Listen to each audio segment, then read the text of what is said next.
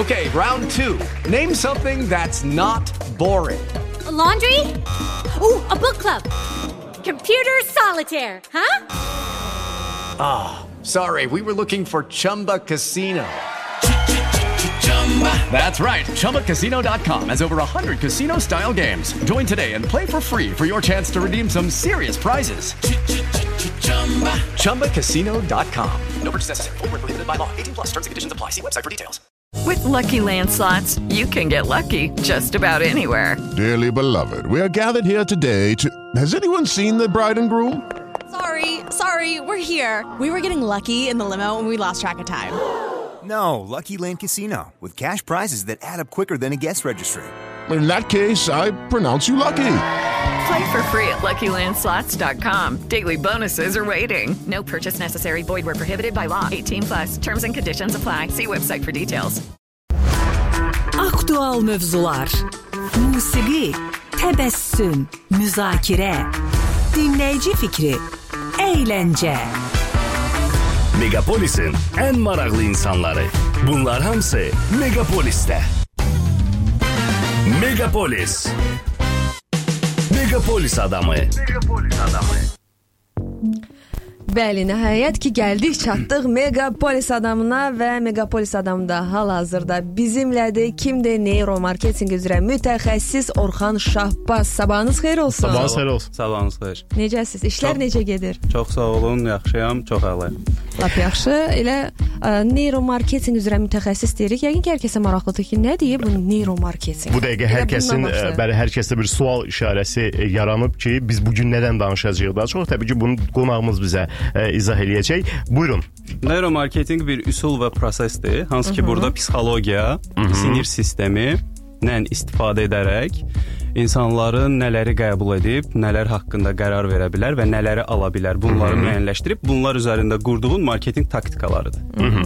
Yəni görünən odur ki, insanlar e, ilk düşüncədə bunu tam olaraq qavramırlar. Bunlarda e, insanlar gərək bunu hər hansı bir mütəxəssisdən buraya alsınlar və e, belə deyim, o şuurlarının altında olan bəzi ideyaları, bəzi fikirləri ortaya çıxara bilsinlər. Əslində həm hə, həm yox. Mhm. Çünki neuromarketinq başayaq qurulmuş demokratiyadır. Burada Mhm. sən özün müəyyənləşdirirsən ki, istehlakçı sənin haqqında necə qərar verəcək. Məsələn, bir nümunəni deyim. Deyək ki, bir uşaq bezi reklam eləyirik.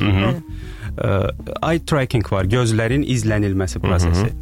Ə, Uşağın şəklidir. ə, Bez haqqında yazılan məlumatdır və aşağıda qiymətdir. Mhm. Sizcə ən çox burada insanların gözləri hansı istiqamətə baxır? Uşağın da özü biz tərəfədir.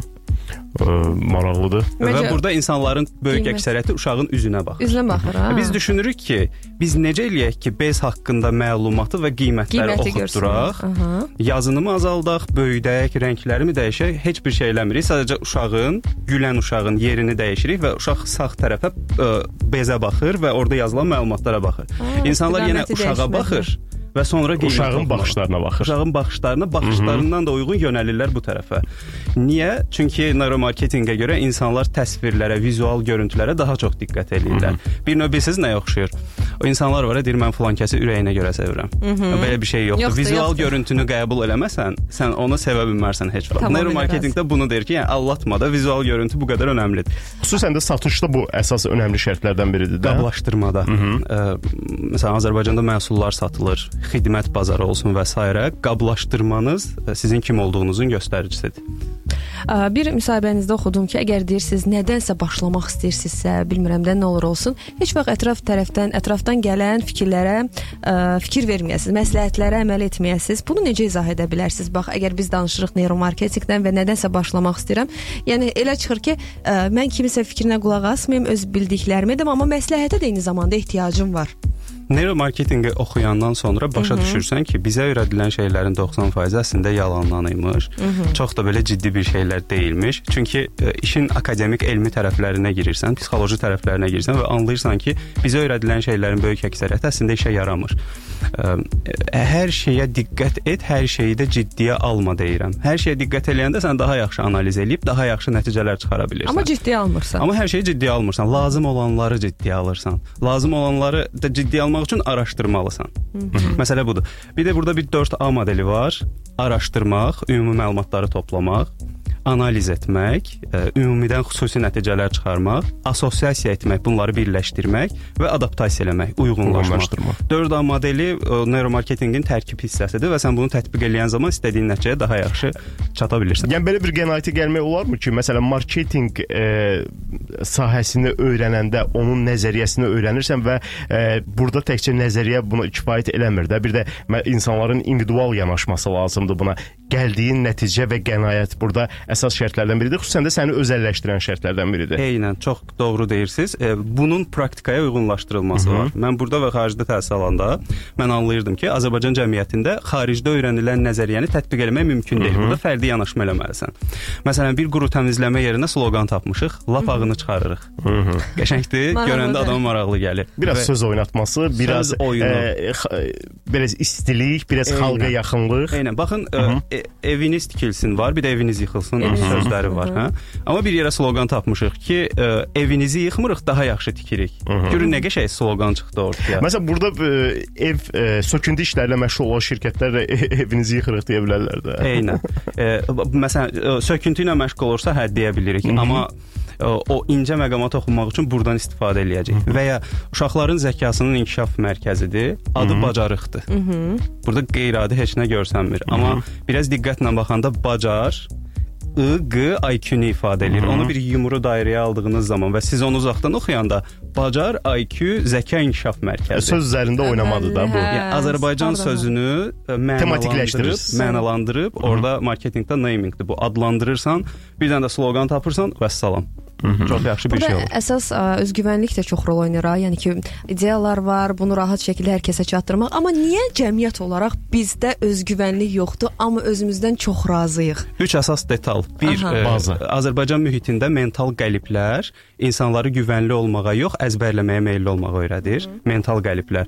Ona görə siz güvənli bir xanımsınızsa, maddi və mənəvi olaraq öz ayağı üzərində dayanırsınızsa, deyəcəklər ki, "Hmm, nə belə də çox da yaxşı xanım deyil.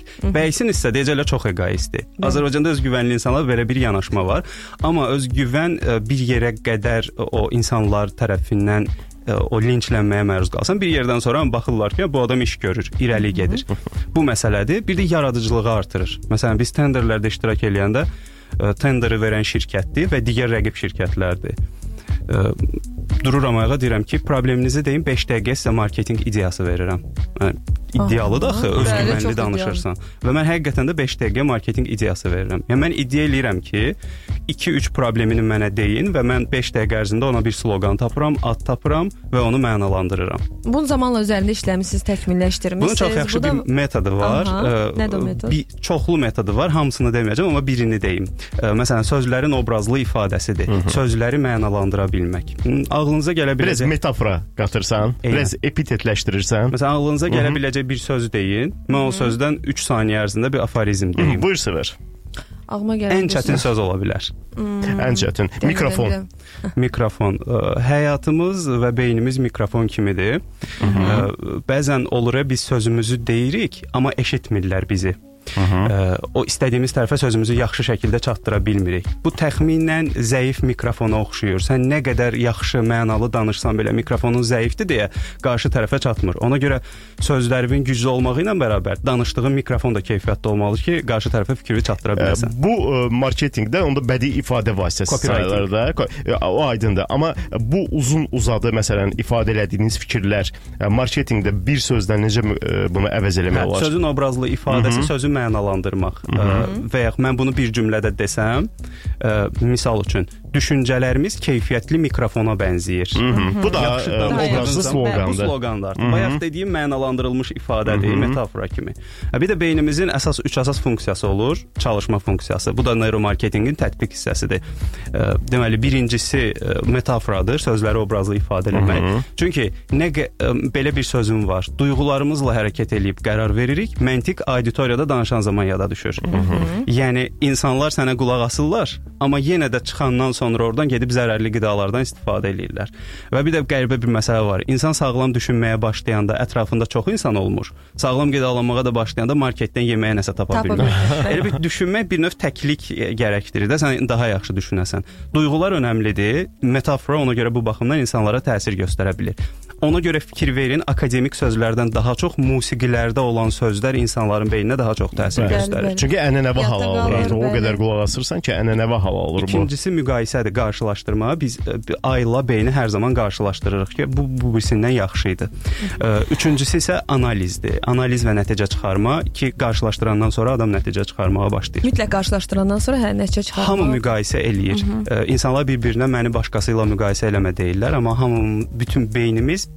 hamı ilə bir-birini müqayisə eləmə üzərində qurulub. Amma az öncə qeyd etdik ki, məsələn, ə, danışıram, insanlar məni dinləyir. Hər zaman bu belə olmur da. Yəni ki, ə, biz daha çox danışırıq, xoşlayırıq fikirlərimizi ifadə edək, öz, özümüzdə, yəni daha yaxşı nə yüksək keyfiyyətlər varsa onu önə çıxardıq, amma dinləməyi hər insan bacarmır. Nədənsə biz dinləməyə gələndə e, insan sözünü kəsirik və yaxud da həvəsimiz olmur. Bax bununla nə, nə edək? Mən iddia eləyirəm ki, biz qarşıdakı insanlara uyğun şəkildə danışdığımız zaman bütün insanlar sizi dinləyə bilərlər. Çünki insanın üç əsas funksiyası var. 1 maraqları, 2 problemləri, 3 duyğuları. Bu yönəlik danışdığımız zaman mexanizm daha yaxşı işləyir. Məsələn, bir kimya müəllimi ə, sulfat turşusunu H2SO4-ü ə, tələbəyə izah eləyirsə, burada H2SO4 sulfat turşusu filan şeydir. Akademik tərəfə girməmişdən öncə qazlı içkilər içirsiniz sualını versə, həmin adamlar qazlı içkilər haqqında danışacaqlar. Dolayısıyla müəllim daha sonra onu dinləyəcəklər. Müəllim izah eləyəcək ki, əslində qazlı içkinin içərisində Budur. də sulfat turşusu var. Köçürmə eləyəcək orada. O adam ona daha yaxşı qulaq asacaq. Yəni hamının necə qulaq asma potensialını analiz edib tapa biləndən sonra hamı bizə qulaq asacaq. Nə danışdığın deyil, maraqlı danışdığını. Biri var Səvər xanım, məsələn, auditoriyamızda həkimlər oturub, bir də müəllimlər oturub. Mən də bayaq o insanın beynində olan 3 funksiyanı dedim də sizə. Həkimlər üçün deyə bilərəm ki, həkimlərin beynində üç əsas funksiya var. Həkim də insandır da. Təbii. İnduksiya, deduksiya məsələsi fəlsəfənin tərkib hissəsi. Müəllimlərə də deyəndə deyəcəm müəllimlərin beynində üç əsas funksiya var. A, onlar avtomatik qulaq asacaqlar ki, a, görəsən nədir? Məndə nədir? Bəli, Onunla məni e, belə deyim, ayırd eləyən, onunla məni fərqləndirən nədir? İnsanları mürəkkəbliklərə o qədər öyrəşdirirlər ki, insanlar yaradıcı düşünə bilmirlər. Yaradıcılıq sadə şeylərin bir növ interpretasiyasıdır, şərh olunma prosesidir. Bəli, qısa danışmaq, qısa videoya baxmaq, e, hər şeyi tez həll eləmək, mən ona görə tələsirdim bu arada. E, hər şeyi tez həll eləmək, tez, Daha tez başa sürətlə. vurmaq. Qısa Ya- zamanda ə, lazım olan informasiyanın hamısını qəbul etmək istəyi.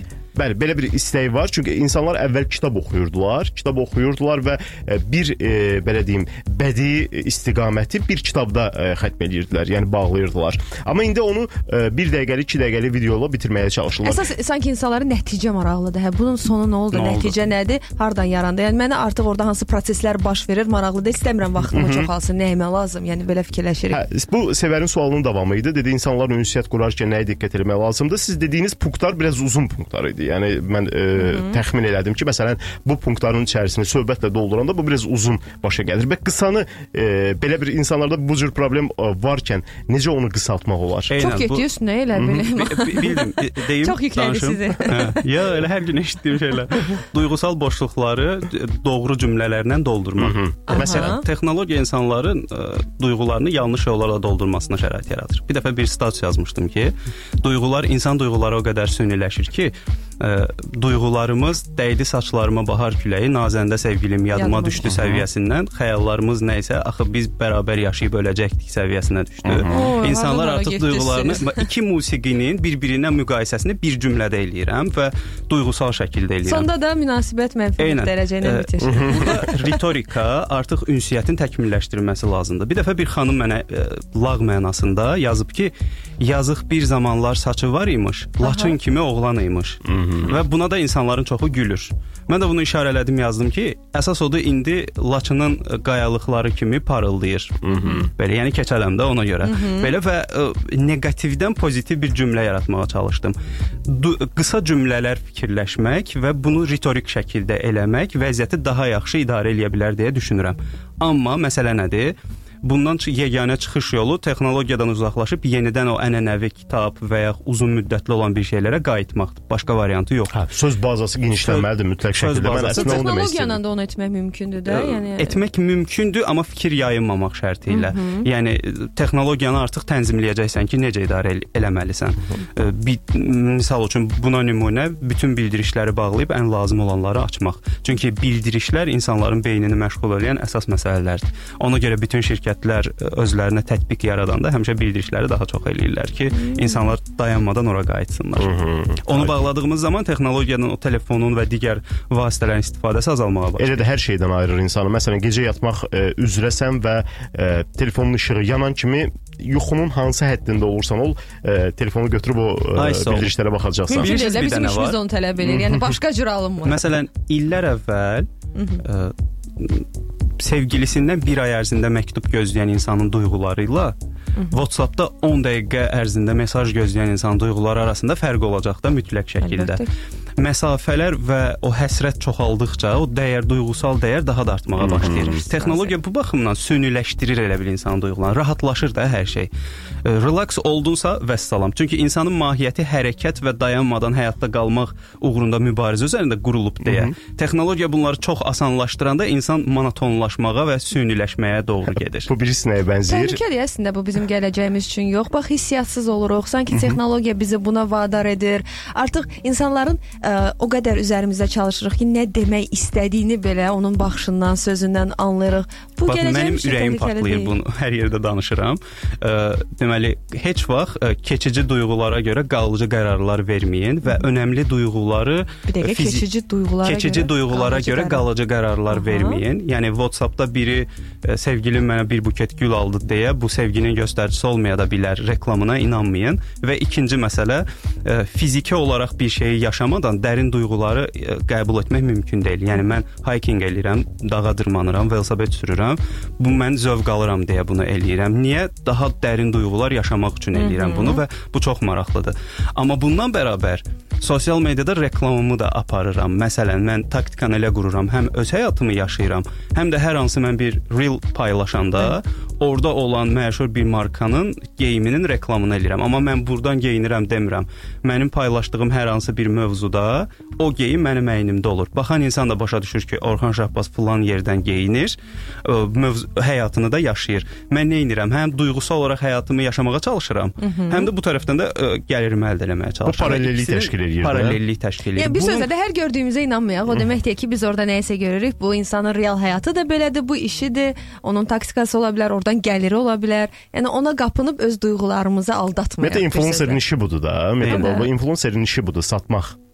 Eynən ə, satmaq. Mən influencer deyiləm, amma olur. Yox, məsələ sizdən getmir. E, çəkdiyiniz misaldan gedir. çəkdiniz. Amma biri var deyirəm ki, Səvər xanım, gedin bunu alın. Ə, Mən X adlı telefon işlədirəm. Bəli. Bir də var mən hər hansı bir mövzuda danışıram və əlimdə həmin telefon var. Buna Şur marketinqdə altı. product placement deyirlər, Product məhsul placement. yerləşdirmə. Bəli, bəli, Siz artıq onu görürsünüz də. Bir də insanların beyninə onu salmaq lazımdır ki, get nə olar al bunu. göstərmək lazımdır. Mədəni formada. Bəs ümumiyyətlə biz danışırıq, insanların beyninə bunu salırıq, bunu et, yəni onu etməyək, göstərək. Bəs öz üzərimizdə təkmilləşmək üçün nə etməliyik? Hansı üsullardan istifadə edək? Çox sağ olun. Bundan öncə ə, Sırağa Biraz, kimi bir konfransda olan bir şey başıma Hmm, gəlmişdi. Deməli, maraq, buyurun, danış. ə, bir psixoloji bir konfransdır, insanın inkişaf eləməsi ilə bağlı. Ə, Mən orada qeyd edirəm ki, şəxsi inkişaf boş şeydir. Bir çıxışım bu haqqdadır. Mən motivasiyanın yox, disiplinin ə, leyhinə olan bir insanam və düşünürəm ki, motivasiya disiplinin köməkçisidir. İnsanı həyatda saxlayan şey disiplindir, motivasiya deyil. Ə, Və Hətta Elon Musk da belə söyləyir. o ə, o şir layihənin sponsorlarından biri enerji iskisi idi. Yəni dırnaq arası enerji iskisi. Ki mənim də enerji iskilərinə bir düşmənçiliyim var sözün əsl mənasında. Çünki ziyandır. Bir xan mən belə kəskin şəkildə danışıram. Xoşlayıram kəskin danışmağı və ə, bir xanım durdu ayağa dedi ki, ə, nə dərəcədə səmimisiz və duyğularınızı belə yaxşı ifadə eləyirsiniz. Bu düzdür yoxsa yox? Deyirəm ki, insan o qədər paradoksal bir varlıqdır ki, biz burada səmimilikdən, duyğusal və insanların bir-birinə mehriban olmağından, inkişafdan danışırıq, amma bizim fiziki və zehni ola olaraq inkişafımıza mane olan bir qidanın sponsorluğu ilə burada siz iştirak eləyirsiniz, gülüşdü və deyirəm faydası olub e, sən demə az, az öncə də, az öncə də ondan istifadə eləyirdiniz. Öyle hamı belə qaldı. Həqiqətən də elədir. Paradoksuq biz. Yəni insan zərərli şeylərə daha çox duyğusal bağlanır. 100%. Zərərli şeylərə daha çox duyğusal bağlanır. Birinci əsas məsələ təkmilləşdirmə prosesinin kökündə dayanan bu. Mənim duyğusal olaraq bağlandığım şey nədir? Bunu analiz eləməlisən.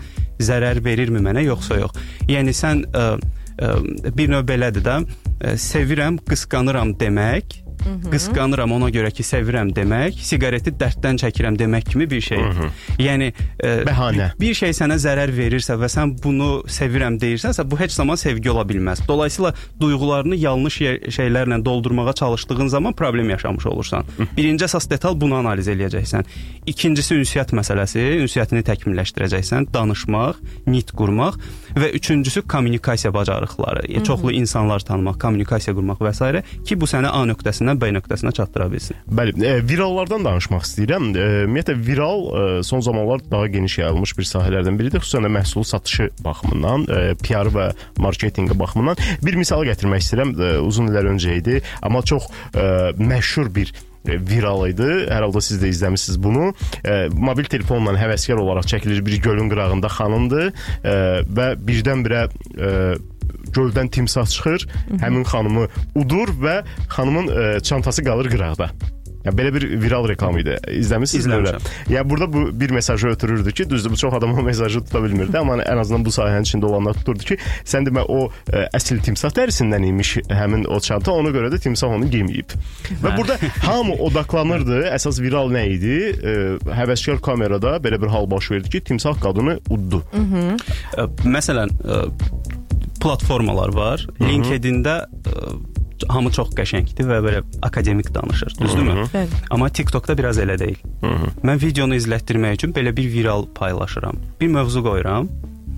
Mövzuda mən shortikdə danışıram. Ə, və avtomatik olaraq nə olur? Mən- Mövzu narkotik aidiyyatı yoxdur. Və mən bilirəm ki, insanlar TikTokda oturan insanların böyük əksəriyyəti insanın vizual görüntüsünə baxırlar. Shortik geyinməzlər deyən insanlar Şort da. geyinməzlər və bunu deyən adam o rəyi ora yazacaq. Onun o rəyi ora yazması mənim üçün bait and switch taktikasıdır. Qurt və qarmaq taktikası. Ona cəlb eləyirəm ora. O onu yazır, o məni tanıyır. O nə qədər də mənə orada geyimimə görə nifrət eləsə belə, bir Elə yerdən sonra mənim fikirlərimlə razılaşacaq. Bilirsiniz niyə? Çünki orada mən bir fikir paylaşanda mənim fikirlərimi dəstəkləyən insanlar var. Və o istər-istəməz görəcək ki, yəni bir dəqiqə başa düşdüm bu short geyini, bir qulaq asım görüm adam nə danışır. Belə-belə artmağa başlayacaq. Və mən bunu tətbiq elədiyim 5-6 video e, 1 milyon 500 min izlənmə alır və sənin siman formalaşır. Artıq e, siman hörmətli formada formalaşa bilir. Bu baxımdan viral şeyləri Shortskada görə də deyil, yəni mövzuya görə. Mövzuya görədir. Mən shortik orada qoyub, Aha. ə, mənim shortikimə qarışanlar sizi söhbətə çağırıram desəm, videonu görsəz deyəcəksiniz yaxşı da, belə. Amma mən orada akademik söhbət eləyirəm deyə di və disbalans yaranır da, kognitiv dissonans daha doğrusu, ziddiyyətli şey. Adam baxır ki, shortik geyinib, amma bir dəqiqə bir sözlərinə də qulaq asın da, bəlkə düz deyir. Yəni Bax- hər shortik geyinən o demək deyil ki, Ay, ağılsız danışır, ağzına gələni Yəni danışır. demək istədiyim şey Azərbaycan cəmiyyəti üçün uğurlu ə, marketinq taktikaları, uğurlu reklamlar və sair şeylərin hamısı akademik və məişət üslubunun balanslı şəkildə aparılması nəticəsində baş verir. Virallaşmaq üçün məişətdə gedən prosesləri kənara ata bilmərsən. Full akademik danışıq insanlara maraqlı deyil. Məişət danışığı da səni uzaqlaşdıra bilər. İkisinin balansını tutdunsa, vəssalam, istədiyin nəticə əldə olunur. Ümumiyyətlə ziddiyyət e, təkcə Azərbaycanda deyil, bütün dünyada qəbul olunan bir şeydir. E, gəlin elə Azərbaycanda e, televiziya məkanında ən reytinqli verilişlərdəki e, bu aparıcıların taktikasına baxaq. Məsələn, burada ziddiyyət var. Həmin adam həm sevilir, eyni zamanda da tənqid olunur. Düzdürmü? Mənim Bu təkcə mən indi bunu bir sahədən misal gətirdim. Bunun bütün sahələri Var, şamil eləsək, məsələn, enerji içkisi dediniz. Enerji içkisi həm sevilir, həm də eyni zamanda tənqid olunur. Bu ziddiyyət olduğuna görə daha çox satılır. Burada indi bir də çox doğru deyirsiniz, amma bir dənə də bir məsələ var burada. Sənin siman necə formalaşır? Bir enerji içkisi yüksək məbləğ təklif eləyərək məni sima eləyirdi, hansı ki ə, idmançıların da siması var idi orada. Amma bu çox pis bir şeydir. Mən dedim ki, ziyanlı olduğuna görə mənim prinsip, prinsipimə uyğun deyil. Baxmayaraq ki, insanların böyük əksəriyyəti həmin enerji içkisindən istifadə edirlər. Hətta idmançılar belə reklamında Hə, çünki çəkilir. mənim əlimdə məsələn siz enerji içkisi görsəniz deyərsiniz ki, Orxan yaxşı deyən bu nədir? E, Belə danışırsan, 50 amma qəpiklik reklam şeyin enerjisi olacaq və s. və uğursuz olacaq. Simanın necə formalaşması önəmlidir. Burada da hədəf auditoriyası var. Mənim auditoriyam kimdir? Mən kimə fokuslanıram? Ona görə mən ölkənin ən reytinqləri verilişinə dəvət alanda çox da iştirak eləmirəm. Çünki orada mənə lazım olan insanlara xitab eləyə biləcəyim yer yoxdur. Orada daha çox qeybət eləyə biləcək adamlara xitab edirəm və bu bu məsələ də burada belə olur. Amma məsələ burasındadır ki, reytinqi də həmin insanlar formalaşdırır. Əslində amma amma burada bir dənə önəmli bir məsələni Təbii deyim. acınacaqlı bir durumdur. Mən bunu pozitiv mənada demədim. Ə, Acınacaqlı durumdur, amma markalaşmaqla tanınmaq arasında fərq var. Ə, Marka olmaq ortaya bir fikir qoymaqdır. Ə, Heç zaman toy müğənnisi məşhur və mənim də yerlim olan bir toy müğənnisi var. O ölkədə hamı tərəfindən tanınır, amma marka deyil. Marka olmaq üçün sən bir fikir qoymalısan ortaya. Yəni ə, Tematikan olmalıdır. Google-a məxsusluğu. Google-a Üzeyir yazanda birinci digər müəllim çıxsa da, ikinci Üzeyir Hacıbəyev çıxsa da, Üzeyir Hacıbəyevin marka olduğu danılmazdır. Amma ə, Orxan, bazarda da söhbət gedir ki, marketoloq marketoloqlar şirkətdən çox ə, özlərini reklam edirlər. İstərdim buna da bir aydınlıq gətirəsiniz. Etməlidirlər də. Bu həm normaldır, amma həm də normal deyil. Əgər ortaya bir məhsul ə, çıxarırsınızsa, Sanki mən məzmun- məhsuldan çox özünüzü daha çox reklam edirsiniz. Ə, bi- Bilirsiniz necədir? Ə, Məzmun ortaya qoya bilirsinizsə, bayaq mən nə dedim? Dedim bir söz deyin, mən oradan bir dənə aforizm çıxarıram ortaya. İddialıdır da, düzdürmü? Biz artıq onu öyrəndik, Elman, yoxsa ya? Yavaş-yavaş. iddia iddialıdır. İki söz də deyəcəm. iddialıdır da, düzdür? Mən bunu ortaya qoya bilirəmsə, artıq ə, siz növbəti mərhələdə deyə bilməyəcəksiniz ki, bu adam nə bilir ki? Çünki mən həm özümü praktik olaraq sübut eləyə bilirəm də, göstərirəm, danışdığımı tətbiq eləyə bilirəm. Məsələ budur. Dolayısıyla hər kəs nəyinisə göstərir. Ə, Azərbaycanda daha çox insanlar bədənlərini göstərməyə meyllidirlər, istənilən mənada, amma mən fikirlərimi göstərməyi daha çox sevirəm. Artıq məncə o dövrü də aşmışıq. E, O, bədənlə e, Fikir- tutmaq. Eynən, fikirlərini istənilən yerdə, istənilən formada göstərə bilərsən və Yəni, burada heç var, bir şey yox. var. Reklam da edirəm, həm də ə, Yəni misal mənim beynimdə var, bacarırsan gəl debat eləyək, harda səhv var, harda yoxdur, bunu müəyyənləşdirək. Hmm, Bacarmırsan da danış. Aydındır. Beynimdə formalaşan e, e, belə deyim, e, prinsiplər oldu. İndi hər halda bunu siz daha doğrulayacaqsınız. E, bir, e, insanın söz bazası həddindən artıq yaxşı olmalıdır. Yəni e, mütaliə olmalı. vərdişin olmalıdır və e, ikinci növbədə ə, xalqı Azərbaycanı, yəni burada fəaliyyət göstərirsənsə, məsələn Türk ə, Türkiyədə çalışsaydınız, məsələn Türkiyəni deyə bilərdim. Ə, çox yaxşı tanımalısınız, folklorunu çox yaxşı bilməlisiniz, adət-ənənələrini yaxşı bilməlisiniz, nəyə xitab eləyə biləcəklərini daha yaxşı biləcəksiniz, düzdürmü? 3 artıq bunları birləşdirirsiniz bir yerdə və bunu tətbiq edirsiniz, uğurlu bir iş ortaya çıxır. Eynən. Çox doğru vurğuluyursunuz və bunları tam biləndə istədiyiniz nəticə daha yaxşı ortaya çıxır. Hə, ə, sloqanın tapılması, folklorlar və s. Və mütaliə. Hə, və mütaliə məsələsi. Bu çox önəmli detaldır. Bir dənə burada bir nüans var. Bir söz var, ə, deyir biz sevinəndə ingilis dilində sevinirik. Söyəndə rusca söyürük. Ə, Öləndə də ərəbcə biz danışırlar bizlə. Eyni mexanizmdir. Ə, Mən bunların hamısını Bu analiz edirəm. qaçılmaz təsirlərdir. və Qaçılmaz Tarix boyu belə olub. Amma bu belədir və ə, bu belə də olmalıdır deyib oturmayacaqsan da yerində. Bunu ə, kontentə, məzmuna çevirməlisən ki, istədiyin nəticəni əldə edə biləsən. Azərbaycanda bir Prius deyəndə ağla gələn bir bəla var da. həm Qəza. Qəza. Amma problem o maşını istehsal eləyən ölkə çox yaxşı ölkədir də, maşın da çox yaxşıdır, amma problem insan faktorudur. Əslində amma insan faktorundan çıxardırıq, Priusa yüklənən bir məna və bir, də, bir dəyərsizlik var. Sən Prius sürsən becələr görəsən bu maşını niyə sürür? Taksi maşını sürür və s. İnsanlar hər hansı bir mənanı yükləyirlər və onun üzərindən bunları Ortada real praktika var axı. Hə. Biz oradan görmüşük. O real praktikanı görüb o fikri formalaşdırmışıq. Amma o real praktika insanlar yaradıblar. Ya, təbii ki, bizim insanlar yaratdı. Amma insanlardan məna çıxaraq var olan obyektə yönəlir. Bir növ mən burada deyirəm də biz İlkin təəssürat nədirsə elə biz də yadda e, qalır. e, eynən biz insanları homo sapiens olduğuna görə yox, beynimizdə yaratdığımız obrazlara görə qiymətləndiririk. Baxın Azərbaycan cəmiyyətində qız uşağı olanda deyirlər şirindir, sonra qadın böyüyür olur şeytan kişini yoldan çıxaran, sonra ana olanda deyirlər ana müqəddəsdir. Ekstra olaraq da cənnət analarının ayaqları altındadır. Hər üç ə, obrazda qadın fərqli-fərqli formada olur. Eyni şey kişilərə də aid ola bilər. Yəni insanlar obraza görə görə qiymətləndirdiyinə görə sən bunları tutandan sonra hazırladığın reklamlar, fəaliyyətlər, demək istədiyin sözləri buna əsasən müəyyənləşdirirsən və bu çox yaxşı da nəticələr verə bilər. İstərdim ki, insanlara ümumiyyətlə daha yaxşı işlərində pozitiv olsun, uğur qazanmaları üçün bir neçə məsləhətlər də verirsiniz. Bəzi insanlar var ki, sanki ə, az öncə də qeyd etdik ki, onlara necə deyim, qanına hopub, xarakterinə hopub, ə, qaş qaraqabaqlı olmaları, digərlərinin uğuruna sevinə bilməməkləri və sanki o uğurlarını görəndə deyirlər ki, bəxtəvərdir də, bunda hər şey yaxşı alınır, belə alınır. Ə, bax, hər zaman belə pozitiv olmaq üçün, yaxşı arada olmaq üçün insanlara nə məsləhət görərdi? Hansı üsullardan istifadə edək? Birinci məsələ in, Mhm. ə, sizə məsləhətim məsləhət verən insanlardan uzaq durun deyirəm. Mhm. Ə, çünki ə, və Onda Elman gəl gedək efir.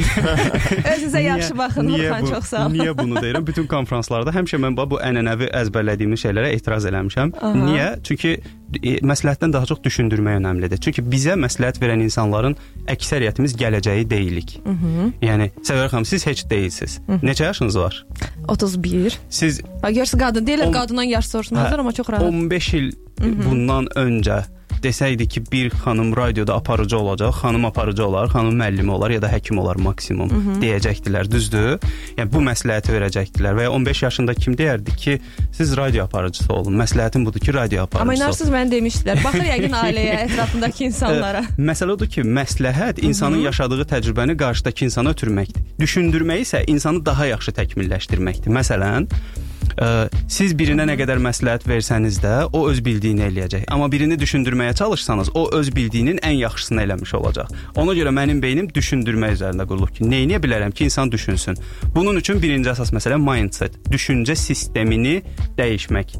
Misal üçün, insan deyir ki, mən əsəbləşirəm. Hmm, Niyə əsəbləşirsən? Nə bilim, bu insanlar məni bezdirir, əsəbləşirəm, deyinir. Xarcdayam, yoruluram. Biz Mənim- az öncə birinci saatda Hə, bax bu haqqda Mənim danışdıq. düşüncə sistemimdə əsəblə bağlı belə bir cümlə var. Əsəb qarşıdakı insanın səfehliyinin təsiri altına düşməkdir. Mən əsəbləşirəmsə, qarşıdakının səfehliyinin təsiri altındayam. Bu düşüncə sistemini beynimə yeridəndən sonra artıq mən hər situasiyada əsəbləşmirəm. Yavaş-yavaş bu məndə aradan qalxmağa Amma bir şey var, onun ə, səfehliyinin ə, təsiri mənə birbaşa ə, göstərir axı o təsiri, Təsiri ə, ciddi göstərir. şəkildə məndə mənə ziyanı var. Niyə?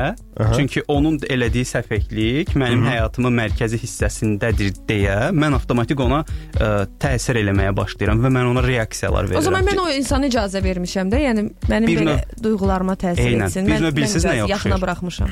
Məsələn, sosial mediada mənə olur. Biri məsələn söyüş söyür. Mhm. Bunu mən də ona söyüş söyüb nömrəni mənə yaz gəl dalaşaq demək əvəzinə hüquqi sistem eləyə bilərəm. Ə, hüquqi sistemi biləndən sonra qoy bundan o müvafiq orqanlar məşğul Məşğul olsunlar. Mən bir də özümü niyə əsəbləşdirim? Ki mən bilirəm ki, onsuz da real həyatda insanlar bir-birinə yaxınlaşıb o sözləri deyə bilmirlər. Hər söz söhbətə görə də mümkün olmur da. Ay sağ olun. Müraciət Ay sağ etmək Hər söz söhbətə görə də mümkün olmur. Dolayısıyla bunların hamısını qəbul edəndən sonra yüngüllərini ignor eləyirsən, ağırlarını isə müvafiq orqanlara yönləndirsən, qoy o məşğul olsun. Mhm. Məsələ bu. Və ya mən bilirəm ki, tıxaca düşəcəm və maşın sürürəm. Mən bir yol tənzimləməsini tapmalıyam ki, mən bunu necə aradan qaldıra bilərəm və ya məsələn, beynimdə belədir. Bu yerə gedəcəm və getməmişdən öncə başıma gələ biləcək hadisələrə ehtimal eləyirəm. Nələr ola bilər? Mhm. Çünki bizim bədbəxtliyimiz və xoşbəxtliyimiz heç zaman düşündüyümüz kimi olmur. Düşündə, düşünmədiyimiz yerlərdən ortaya çıxır. Çox qəribə bir şeydir. Yəni planlaşdırmaq lazımdır Ay sağ olun. Bax, adi toy nümunəsini götürün. E, toyda insanlar çox xoşbəxt görsənirlər. Mhm. Amma həmin xoşbəxt görsənən insanlardan birini tamada sağlıq deməyə dəvət eləsin, adam başlayacaq əsməyə belə, bilməyəcək nə danışsın. Mhm. Özünü narahat hiss eləyəcəklər. Çünki orada xoşbəxt idi, amma gözləmədiyi yerdən vuruldu və özünü belə hər halda hal-hazırda bədbəxt hiss eləməyə başladı. Kognitiv dissonans məsələsi də yenə ortaya çıxmış oldu. Düşüncə sistemi insanların təkmilləşməyin ən önəmli tərəfidir istənilən prosesdə. Yoxdursa, davamlı stressə düşəcəksən. Bu o demək deyil, biz əsəbləşmirik, biz belə olmur və çünki daimi pozitiv və xoşbəxt olmaq da mənasız bir şeydir. Sadəcə əsəbləri minimuma endirmək. Bir növ belədir də, ə, o əgər bir insanı bağışlayacaqsansa əsəbləşmə. Mhm. Ə, və ya əsəbləşdiyin şeyləri test elə. Məsələn, mən bir həftə ərzində gündə neçə dəfə əsəbləşirəm, hamısının qeydlərini aparırdım. Hı. Həftənin sonunda 327 dəfə mən əsəbləşmişəm bir həftə ərzində. Hı Və e, Xırda və böyük əsəblər mən- yazırdınız. Mən qeyd edirdim. Aha. Mən nəyə əsəbləşmişəm? Baxırsan ki, sən nə dərəcədə adam belə geri üzr istəyirəm, geri zəkalı ola bilər ki, sən buna əsəbləşmisən. Həmin anda bilmirsən, amma bu insanı yavaş-yavaş çürütməyə başlayır. Məsələ Yaş da burada böyük faktor var, rol oynayır. Çünki Məsuliyyət artdıqca. Hə, bir o- 10 il məsələn 21-20 yaşlı bir insana bunu desən, o daha ə, dəlisovdur, Çılğındır. ə, daha çılğındır. O bunları etməyəcək. Deyəcək, yox, nə danışırsan. 10 ildən sonra hə qərara gəlir ki, elə əsəblərimi yazım, ə, qeydlərimi edim və təbii ki, ə, Və bir dənə də- münasibətim də Amma başqa çox cür olacaq. qəşəng qarşımdakı taktikadır və bunu istifadə etmək Bir lazım. dənə də Etsək. bir dənə də əlavə eləyim. Hə. Ə, deməli mən də həyatda görə biləcəyiniz ən tənbəl adamam. Ən tənbəl. Mən həyatımda 3 saatdan artıq işləməmişəm. Onda tənbəl insan idiniz yox? İndi İndi də elə eləyəm. İndi də tənbəlsiniz. Mən 4-cü saata keçəndə yuxu məni tutur ki, ayda mən işləməməliyəm. Amma bir məsələ var. İndi baxın. Sistemimi həyat tərzimlə işimin assosiasiyasıdır. Əgər mən velosiped sürəndə dağa qalxanda bir şirkət üçün yaxşı sloqan hazırlaya bilir, bir reklam strategiyası, bir təlim planı cıza bilirəmsə, O da sizin üçün işdir. mən niyə ofisdə oturum ki? Elə qoy dağın başına çıxım, orada beynimə ideya gəlsin. O da siz də göründüyünüz kimi deyirsiniz də bayaqdan bizə belə motivasiya verirsiniz. Yox, Amma hə, yox. içinizdəki Mən o başda tənbəllik adaptasiya eləyib. Hə, başda dedim axı mən motivasiya şey deyil. mənim sevdiyim bir disiplin önəmlidir. Yəni mənim həyat tərzim maddi və mənəvi balansı tuta bilirsə, nə ürəyin istəyir elə. Məsələ bu budur və dolayısıyla mən 8 saat işləyib az məhsuldar olana qədər 3 saat işləyib daha məhsuldar olma yolunu tapa bilərəm. Bunu tapandan sonra rahatlayıram və istədiyim şeyi də eləyə bilirəm. Burada insanın öz işinin olmağı da əsas vacib şərtlərdən biridir. bu da var və digər-digər məqamlar Çünki var. Azərbaycanda hansısa bir sahibkara, bir rəhbərə bunu ə, təlqin etmək çox çətin məsələdir. Biz e, şəxsi brendinq məsələlərində hə bu danışırıq e, bu şeyləri və çox çətindir. Çünki mental o təzyiq o qədər və mühit o Bəli. qədərdir ki, e, ona görə niyə siqaret daha çox təbliğ e, yəni üstünə yazılır ki, insana ziyandır, amma insanlar bəli. çox istifadə eləyirlər. Niyə? Çünki dərddən çəkirəm də, bunu çəkəndə rahatlayıram və s. və inanclar var. Çünki insanlar həll yolu tapmayanda bəhanələr onların o vəziyyəti idarə etmək üçün ən önəmli silahı olur və bəhanələr axtarmayın. Bə bəhanələr. E, Bir də şikayətlənmə məsələsi. Şikayətləndiyimiz insanların 80%-nin vecinə deyilik, 20%-i də şikayətimizin olduğunu görüb sevinir. Ona görə ha şikayətlənsən belə heç bir nəticə əldə eləmirsən. özün özün həll etməyə çalışmalısan. Özün özün həll etməyə çalışmalısan və əgər yaxşı düşünmək istəyirsənsə, təklikdə özünü rahat hiss eləyib və daha yaxşı düşünə bilərsən deyə düşünürəm. Qonağımızla söhbətimiz artıq yekunlaşır. Təşəkkür edirik Orxan Çox sağ Şahbaz olun. sizə.